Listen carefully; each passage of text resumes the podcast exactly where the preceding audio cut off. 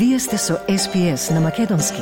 Слушнете повеќе прилози на sps.com.au козацрта на Седонин.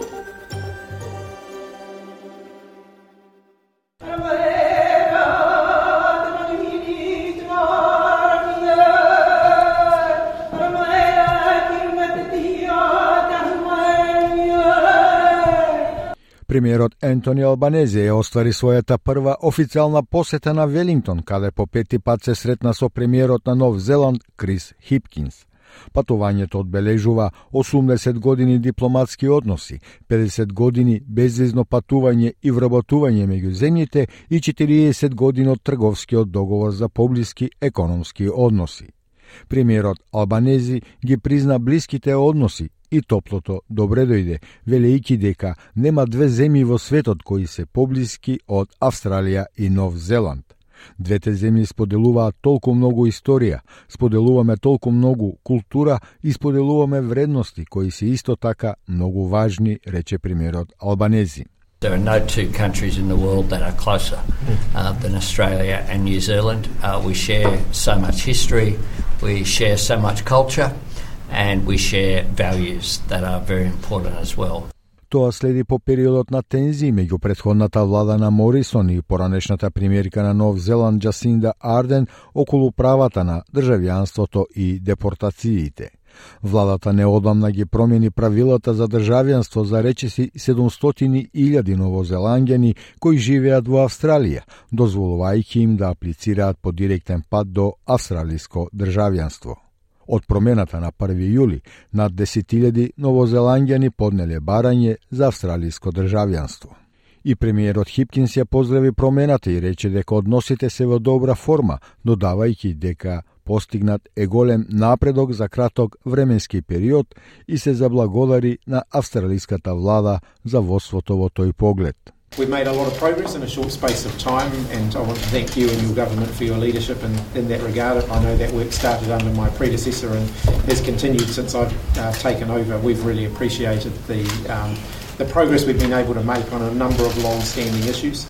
На билатералните разговори беше финализиран новиот транстасмански патоказ до 2035 година заснован на одржливи, инклузивни и просперитетни економии, безбедност и издржливост, поддржувајќи ги заедничките принципи и вредности.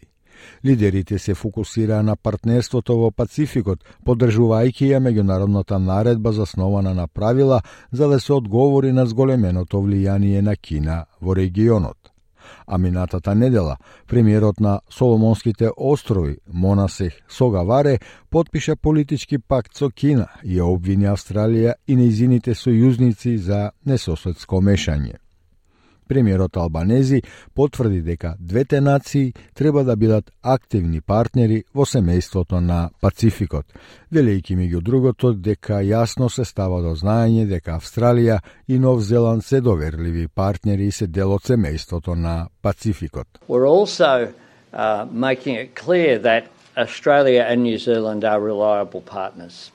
Uh, we're part of the Pacific family and part of uh, the determination at the last meeting of the Pacific Island Forum uh, that was held in Fiji uh, was about uh, the Pacific uh, provide Pacific family providing uh, security for ourselves and and helping uh, each other. Двајцата водачи разговараа и за одржливите економски врски, фокусирајќи се на одржливоста и справувањето со климатските промени. Тие се согласија да започнат преговори за одржлива и инклузивна трговска декларација со пристап фокусиран на климата. Премиерот Хипкинс ја поздрави промената во австралиската политика за климатски промени под власта на лабористичката влада и рече меѓу другото дека една област каде што има огромна можност Нов Зеланд и Австралија да ја зајакнат соработката се климатските промени. И додаде дека соработката во борбата против климатските промени на глобално ниво a. One area where there's immense opportunity for New Zealand and Australia to strengthen our collaboration is on climate change, a subject that we were able to discuss today. I want to acknowledge the significant shift in Australian climate change policy over the last year. We believe that working together to combat climate change globally and especially in our region is critical. It's the single greatest existential threat to our, the livelihoods, security, and well being of our Pacific partners. Во текот на разговорите стана збори за растечката размена на луѓе меѓу двете земји, задолжувајќи ја заедничката работна група на Австралија и Нов Зеланд да најде иницијативи за да се овозможи непречено патување преку границите. Премиерот Албанези вели дека тоа ќе ги изголеми деловните можности меѓу народите. We have many business opportunities between us. And uh, the fact that business people will go from country to country uh, regularly, uh, what we want to make sure is that that experience is the best it can possibly be and that efficiencies uh, can be gained uh, by doing so. So that really is what officials have already done a lot of work. We want to complete that uh, by June of next year. We've brought that date forward. се разговараше за престојниот референдум во Австралија за домородниот глас до парламентот и уставното признавање на народот на абориджините и Торес Стрейт островите. Премиерот Хипкинс вели дека патот до помирување на Нов Зеланд со маорските народи бил трнлив, но на крајот završil pozitivno. I'm firmly of the view that the process of reconciliation that New Zealand has been going through for a number of decades has been overwhelmingly positive for New Zealand.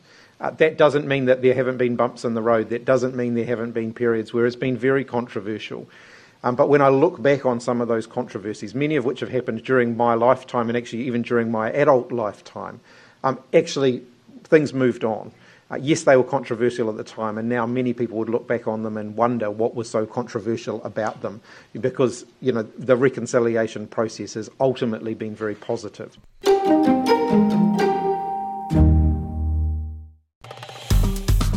Stisnite mi se dopađa, spodelajte, komentirajte. Sledite ja SPS na Makedonski Facebook.